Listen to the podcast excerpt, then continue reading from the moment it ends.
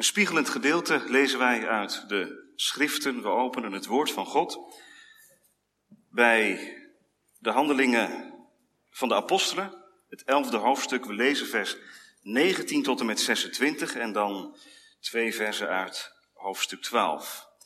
Dus de schriftlezing van morgen is handelingen 11 vanaf vers 19 tot en met 26 en dan vervolgens 12 vers 1 en 2. Daar lezen wij het woord van de levende God als volgt.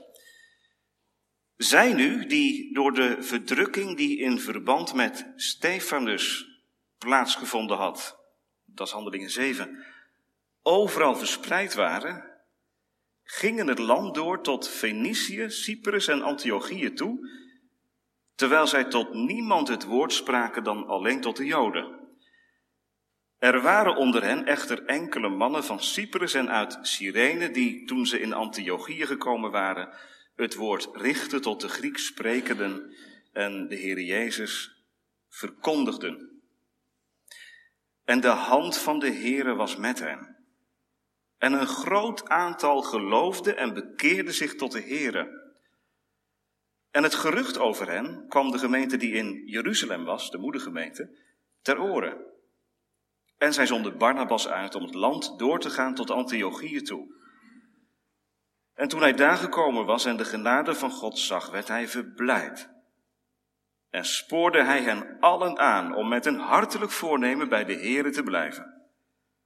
Want hij was een goed man en vol van de Heilige Geest en van geloof. En er werd een grote menigte aan de Here toegevoegd.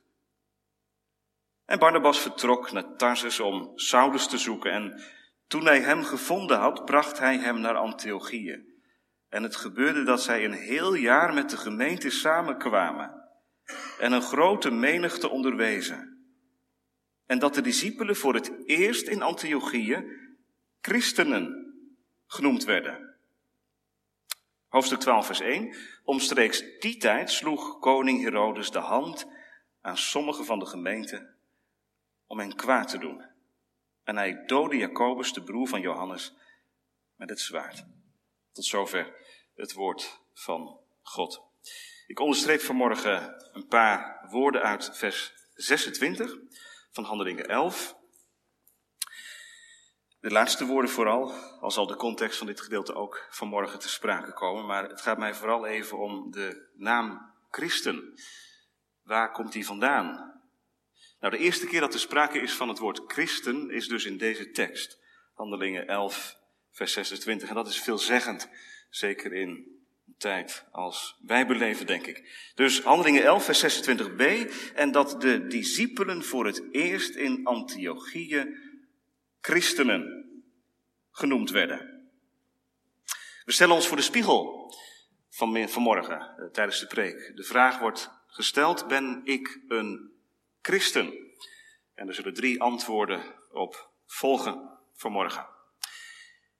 Na de preek zingen we uit de avondzang, het zevende vers, het gebed, o Vader, dat uw liefde ons blijkt, o Zoon, maak ons uw beeld gelijk. En ik hoop dat duidelijk wordt waarom dat gebed het gebed is om de preek mee af te sluiten en ook te beantwoorden. De avondzang, het zevende vers, straks na de preek. Gemeente, in de 19e eeuw leefde er een dominee in Denemarken. Zijn naam is nog steeds bekend, Kierkegaard op zijn Nederlands. Hij was ook filosoof, geleerd. Maar goed, dat doet even niet de zaken. Waar het mij uh, vanmorgen om gaat, is dat hij van de 19e eeuw iets zei wat schokkend is. Hij zei in het begin van de 19e eeuw waren er weinig christenen. Toen kwamen er meer christenen. Vervolgens waren er veel christenen.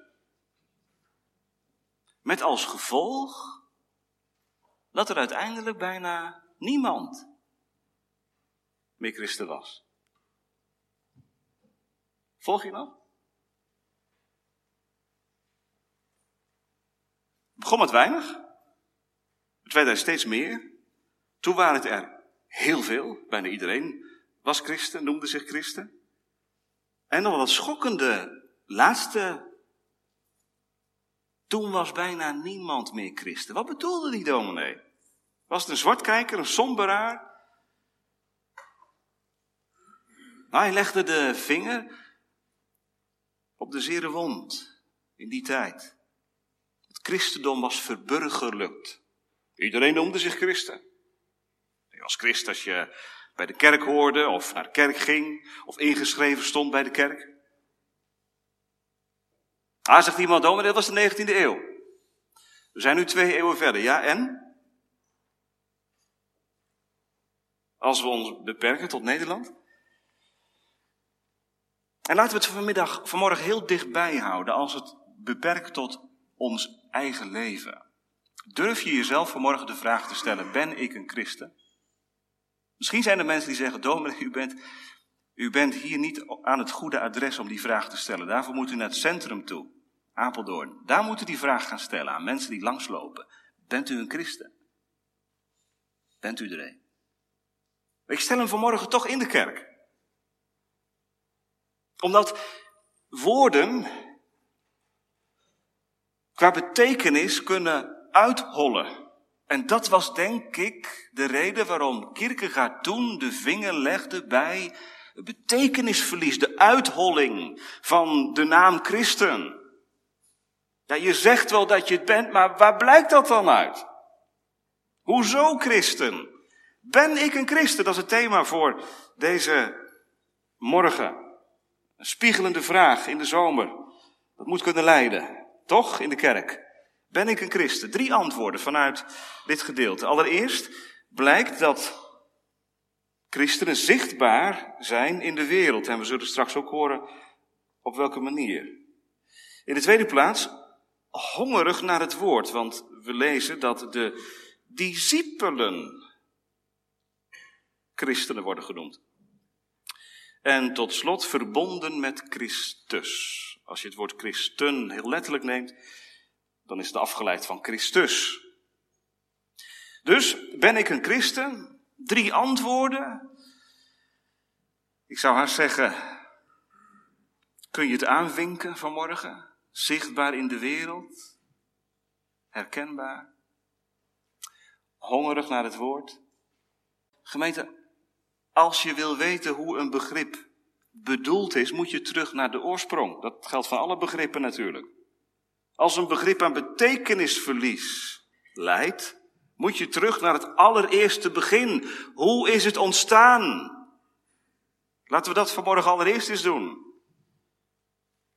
Terug naar het begin, Handelingen 11, vers 26, ik heb het al gezegd, dat is het allereerste moment in de Bijbel dat de benaming christen gebruikt wordt.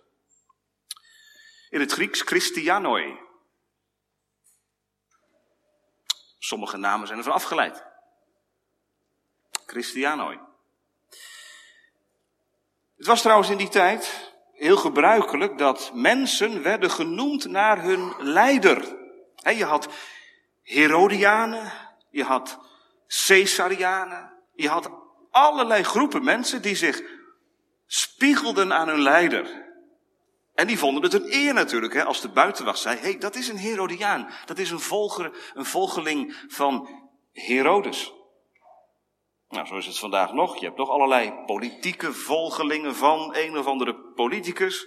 Misschien ben jij wel een volger van een of andere popster. Of voetballer. Volgeling. Je spiegelt je aan zo'n persoon, aan zo'n man, aan zo'n vrouw. Je droomt ervan, zo zou ik willen zijn.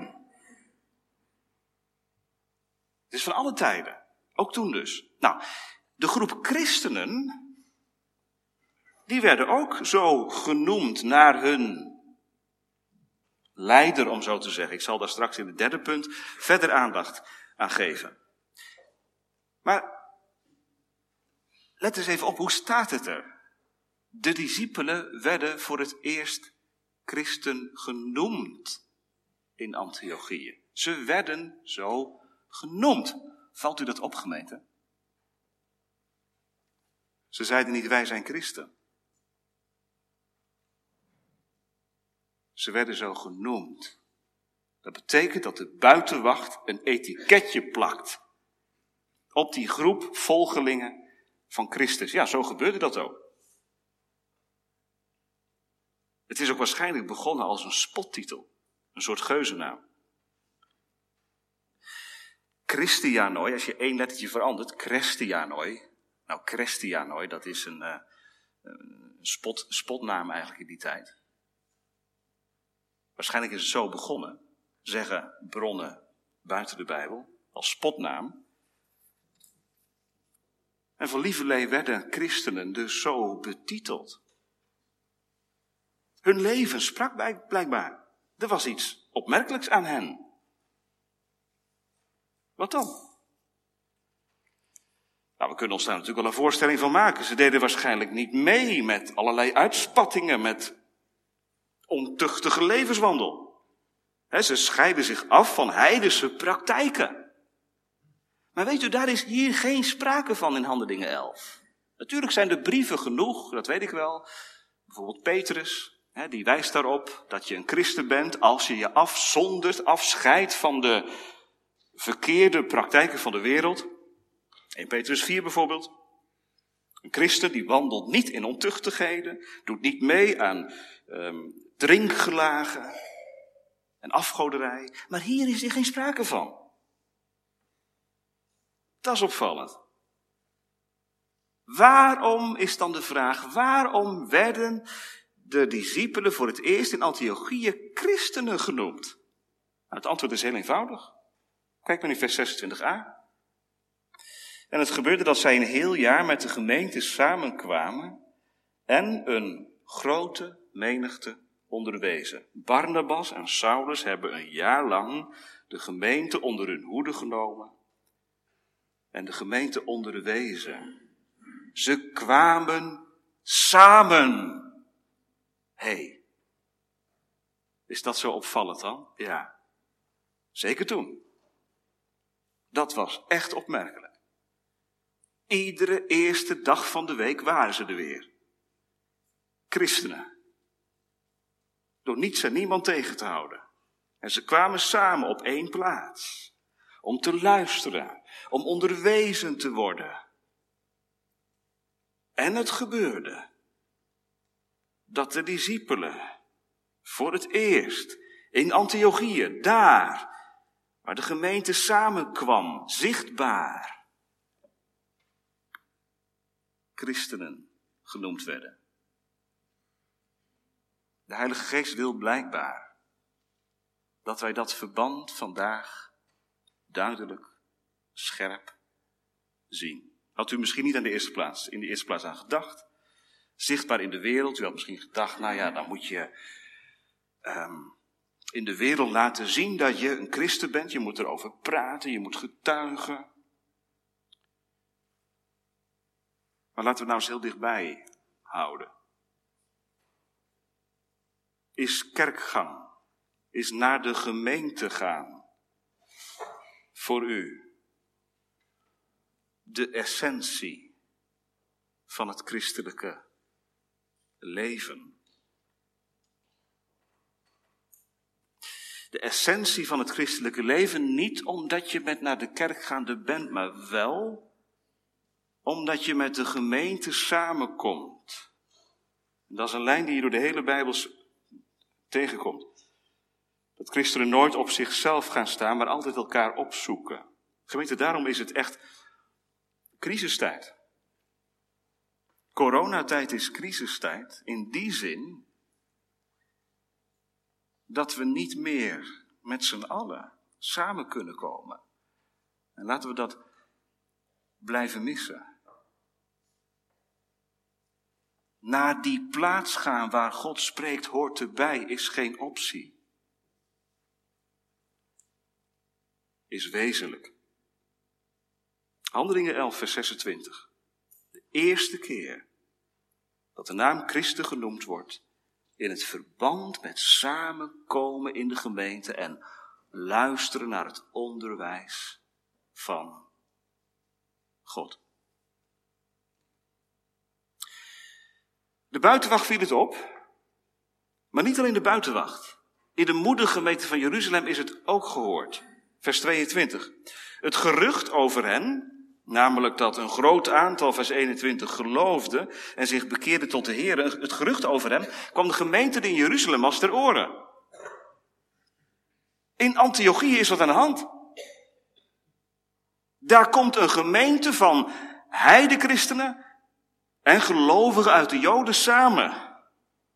Iedere dag des Heren. Wat is daar gaande? Hoe bestaat het? Stefanus is gedood. De christenen zijn verstrooid. Maar ze komen toch samen. En weet je wat er dan gebeurt? Er wordt Barnabas uitgezonden om het land, vers 22, door te gaan, tot Antiochieën toe. Hij gaat polshoogte nemen. En het is zo leerzaam hoe hij dat doet. Je zou willen dat iedereen in de kerk iets van Barnabas had.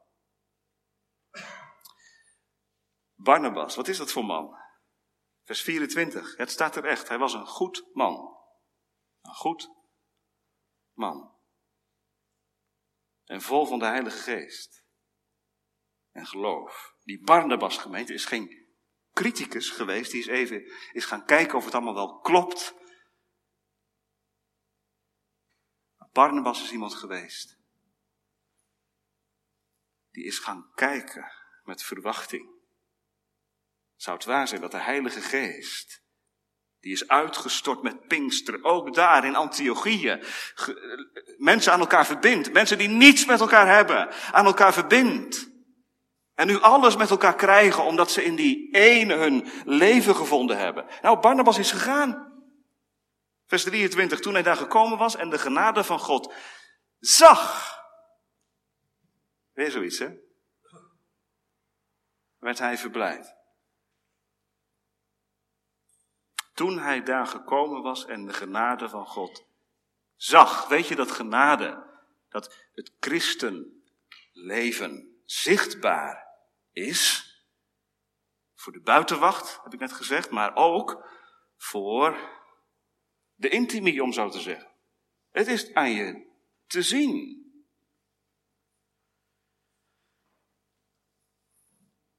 Barnabas hoort niet, allereerst. Mensen die verhalen vertellen, maar ziet.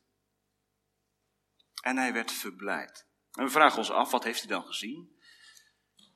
En ik denk dat ik uit het verband mag concluderen dat hij inderdaad ook gezien heeft hoe de gemeente betrokken is geraakt op elkaar en op het woord.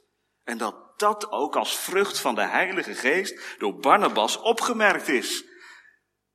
En hij werd verblijd. Er is geen grotere vreugde, gemeente, dan dat mensen die niets met elkaar hebben, in die zin dat ze elkaar niet uitkiezen, in één gemeente komen, op elkaar betrokken raken, omdat ze door de genade van de Heilige Geest betrokken raken op de Heer Jezus Christus. Broeders, er is toch geen grotere vreugde dan dat? Dat je dat merkt. In de diversiteit die er is, en die was er toen ook, reken maar. Wat denk je? Een gemeente die bestaat uit mensen die uit de Joodse godsdienst komen, die traditionele godsdienst, met wetten en regels, en heidechristenen. Mensen zonder kaders, zeg maar. Nou, dat zal best spannend geweest zijn. En iets verderop in handelingen lezen we dat natuurlijk ook, hè? Dat er echt wel meningsverschillen zijn geweest over hoe dan de wet van Mozes te houden en zo. Maar de kern was er. Samen kwamen ze onder één dak. En weet u, dat is een protest geweest tegen het leven zonder God. Weet u dat kerkgang protesteren is? Iedere keer als je je auto pakt, je fiets pakt of je wandelt naar de kerk toe. Protesteer je, doet u dat?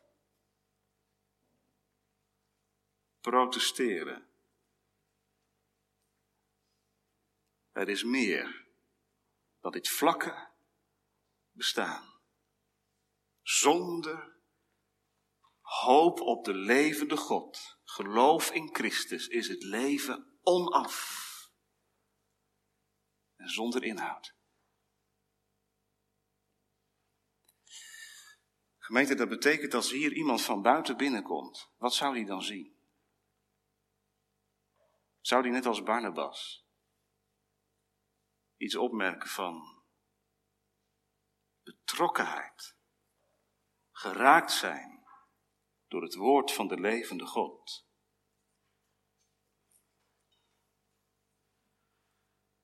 Ben ik een christen? Zichtbaar in de wereld omdat die gang er is naar de plaats waar de gemeente samenkomt. En daarom kan online luisteren nooit een vervanging zijn van het samenkomen. En God geven dat de tijd weer terugkomt, dat we met z'n allen weer die gang kunnen maken naar de plaats waar God zijn woord wil openen. Misschien vraagt er iemand, hoe is dat allemaal gegaan? Hoe zijn die mensen zo aan elkaar gekomen en hoe zijn ze zo betrokken geraakt op het woord van de Heer? Nou, dat lezen we in het woord discipel. Want, lees daar niet overheen gemeente, er staat niet, handelingen 11 vers 26, er staat niet dat ze een heel jaar met de gemeente samenkwamen en een grote menigte onderwezen en dat daar eh, christenen samenkwamen, maar dat de discipelen voor het eerst in Antiochieën christenen genoemd werden. De discipelen. Die worden christen genoemd. Wat is een discipel? Dat is iemand die een voorbeeld heeft, die een volgeling is, die een hoofd heeft. Wie is dat dan? Dat is de Heer Jezus, vers 20. Zo is het begonnen, kijk maar. Er waren onder hen echter enkele mannen van Cyprus en uit Cyrene, die toen ze in Antiochië gekomen waren, het woord richtten tot de Grieks sprekenden en de Heere Jezus verkondigden. Zo kwam het ervan. De Heere Jezus werd verkondigd. De zaligmaker voor zondaren. Dat heidense leven van plezier en pracht. Dat vlakke bestaan dat werd doorkruist door de verkondiging van de Heer Jezus. En daar gebeurde wat. Vers 21. De hand van de Heer was met hen en een groot aantal geloofde en bekeerde zich tot de Heer. Wat is een discipel?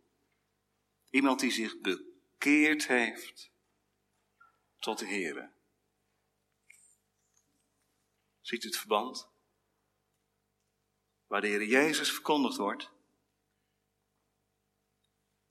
daar kan bekering plaatsvinden.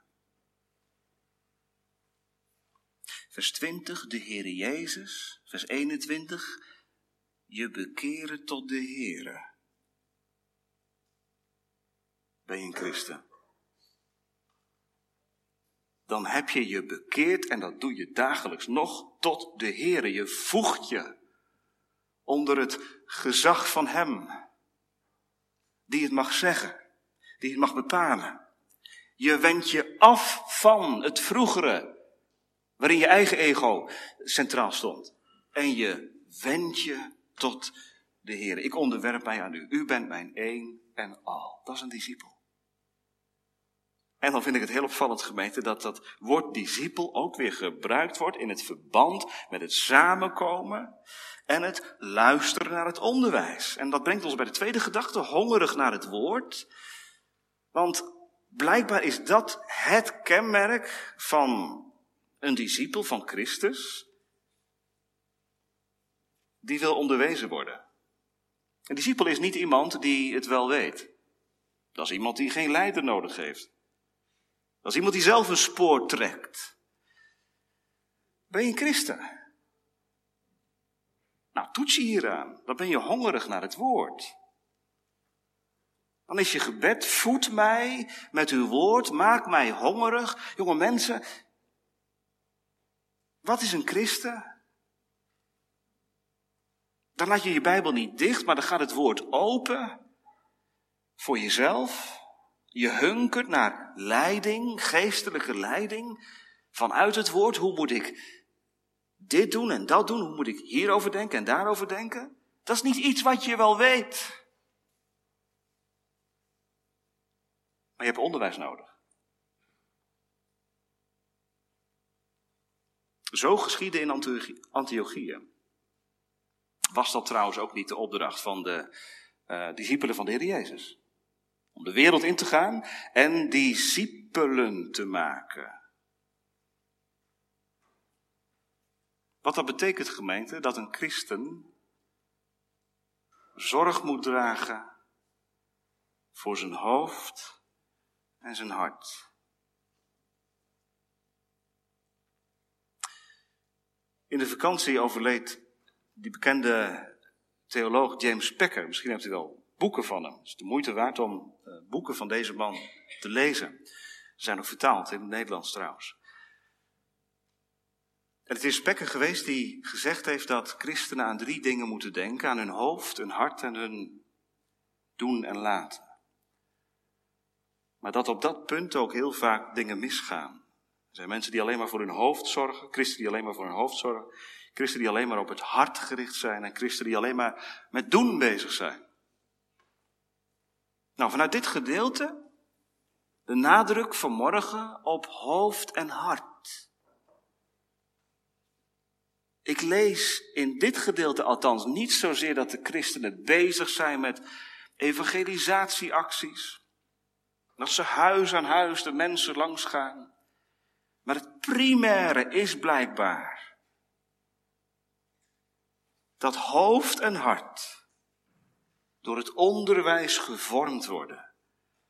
En zo in het leven van alle dag, het christenleven, geleefd kan worden.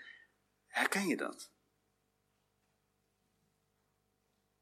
Er is denk ik niemand die zich hier geen christen, die zich niet christen durft te noemen verreweg de meerderheid zal zeggen, ik ben een christen.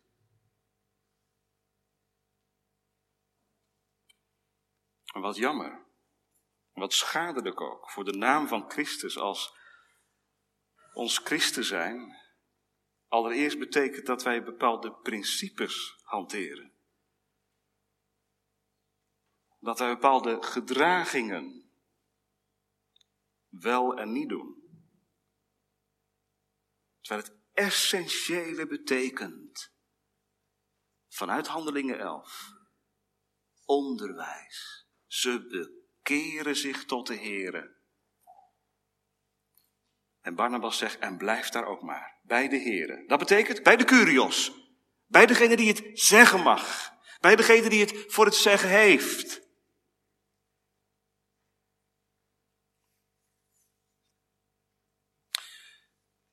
U bent het licht der wereld en het zout der aarde. Maar hoe kun je zout zijn en hoe kun je licht zijn? Als je hoofd en je hart niet ingewonnen zijn en steeds weer ingewonnen worden voor de Heer Jezus. Kijk, zo gaat er ook iets leven in relaties met anderen. Laten we niet te snel denken dat het allemaal wel in, in orde is, gemeente. Je kunt een naam hebben dat je leeft, dat weten we vanuit de Bijbel. En toch ben je dood. Je kunt de naam Christen dragen, terwijl het de verpakking is. En de binnenkant, die leeft niet. En dan gaat het niet om het oordeel van anderen over u, maar het gaat wel over het oordeel van, van de Heer over u en mijn leven. Wat, wat vindt Hij? Als hij gaat wegen in mijn leven, wat, wat zit er dan achter de camouflage en achter het masker? Achter opvattingen en principes. Alle dingen worden geopenbaard door hem, straks. En dan val je door de mand. Tenzij. Tenzij je je bekeerde tot de Heer en je van de verkondiging van de Heer Jezus het moet hebben. Discipel. Straks zingen wij het, o zoon, maak mij uw beeld gelijk. Hoe kun je dat nou bidden, gemeente? Als je geen onderwijs ontvangt over wie de Heer Jezus is. En dan, ach, dan ligt er een Bijbel voor ons waar zo ontzettend veel over de Heer Jezus in staat. Daar hebben we nog maar een heel klein beginnetje gemaakt van wie hij is. Als profeet, als priester, als koning. Van wat hij door zijn Heilige Geest wil doen in het leven. Hongerig naar het woord. Maak in uw woord mijn gang en mijn treden vast. Dat is het tweede antwoord. Tot slot het derde, en dat is misschien wel het meest wezenlijke, omdat we nu de diepte ingaan met dat woord christen. Ik heb al gezegd christen, verbonden met Christus. Dat is de kern. We hebben de loop der tijd allerlei bijvoegsels bij het woord christen bedacht. Om het allemaal wat overzichtelijker te maken voor onszelf en misschien ook wel wat veiliger voor onszelf. dan noemen we anderen, anderen noemen we evangelische christenen, of we noemen ze reformatorische christenen, of nou ja, er is natuurlijk een variëteit van allerlei bijvoegsels ontstaan in de loop van de tijd. Als we nou eens even de, verpakking eraf halen. De discipelen werden voor het eerst in Antiochië christenen genoemd. Niets meer en niets minder. Christenen. Van Christus. In leven en sterven het eigendom van Hem, die mij met zijn kostbaar bloed verlost heeft. Door het geloof in de dood van de Zoon van God leef ik. Ben ik van een ander? Hoor ik bij Hem? Kanttekening van de Statenvertaling zeggen, het is heel terecht dat deze discipelen christenen genoemd worden. Waarom? Omdat als zij in Jezus geloven, zij leden van zijn lichaam zijn. Leden van zijn lichaam. En zijn zalving deelachtig. Leden van zijn lichaam, zijn zalving deelachtig. Dat eerste, leden van zijn lichaam, daar ga ik vanmiddag verder op in. Als we het hebben over de gemeenschap der heiligen, wat dat betekent. Als iemand van Christus is, is hij ook opgenomen in het lichaam van Christus, wat bestaat uit christenen. Je kunt niet op je eentje geloven en beleiden dat je christen bent. Je bent deel van een werkelijkheid. Dus ik wil daar vanmorgen niet al te veel meer over zeggen. Zijn zalving deelachtig. Wat betekent dat? Wie in de Heer Jezus Christus gelooft, wie in Christus is, heeft de Heilige Geest ontvangen. maar dit gaat hier niet over de Heilige Geest. Waar haal ik dat vandaan? Wat haal ik de handelingen 12, vers 1 en 2? Bijvoorbeeld.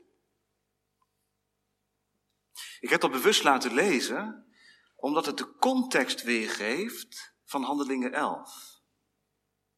Als wij de gedachte al zouden hebben dat die mensen die daar samenkomen. Heel comfortabel, iedere zondag, iedere dag des Heren. Uitgebreid naar de preek van Barnabas en Saulus, zitten te luisteren. En dan weer genoeglijk naar huis gaan, een kop koffie drinken. Vergeet het. Omstreeks die tijd sloeg koning Herodes de hand aan sommige van de gemeenten. Die gemeente komt samen in doodsdreiging. Die weet van Herodes. Die weet van de kwade machten van de boze. En de gemeente groeit. En de gemeente komt samen. Dat is de Heilige Geest. Die in tijden van crisis, van doodsdreiging, hier althans, Moet je nagaan dat sommige van onze gemeenten opgepakt worden? Dat je weet dat jij de eerstvolgende zondag de volgende kunt zijn als er weer wat mensen binnenkomen.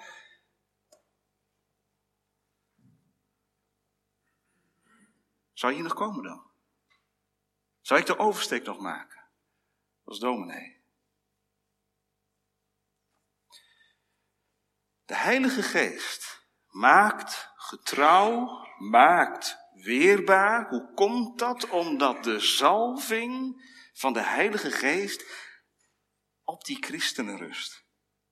Het zijn geen gewoonte christenen. Geen gemakschristenen die even een kerkdienstje beleven. En dan weer naar huis gaan. Het zijn mensen die komen met honger. Ze weten, we zijn op reis naar de eeuwigheid. We leven als pelgrim hier en nu in een wereld die in het boze ligt. Broeders en zusters zijn al opgepakt. Wij komen samen. Maar Hij, Christus, heeft ons hart gestolen.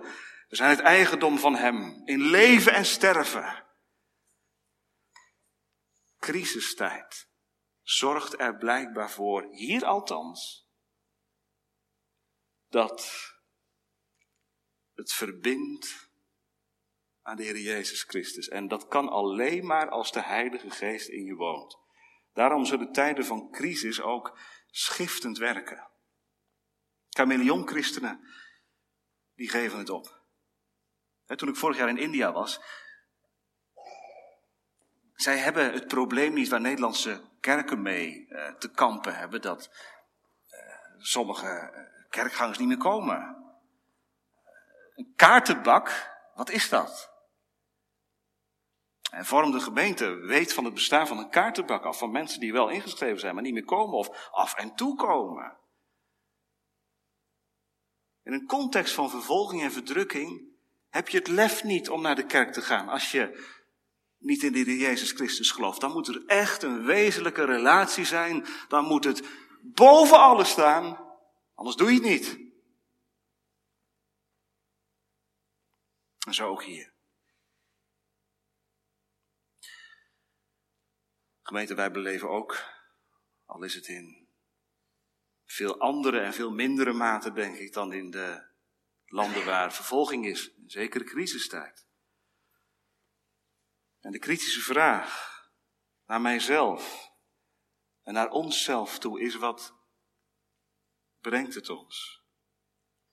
Hobbelen we door? Schudt het ons wakker?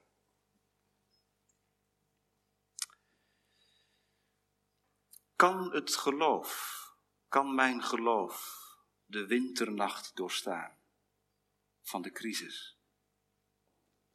Of zal het blijken een omhulsel te zijn? En niet meer dan dat. Als je nou vanmorgen gemeente op die drie vragen, of die ene vraag, niet die drie antwoorden kunt geven, weet je, dan is het vanmorgen de wel aangename tijd. Dat betekent de beste tijd van je leven om te beleiden dat je tot vandaag verkeerd hebt gedaan en dat je je bekeert tot de Here.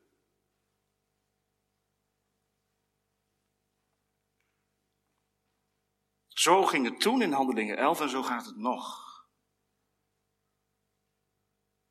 Bekeer je tot de Here. Hoe moet dat? Hoe gaat dat? met heel je hebben en houden. Met alles wat je mankeert, ontbreekt, wat je te veel hebt en te weinig hebt. Tot Hem vluchten, de toevlucht nemen. En weet u wie dat doet? Ontmoet geen harde Heer, maar een milde zaligmaker, die het beste voor heeft met u en met mij. Bent u een christen? ben ik een christen.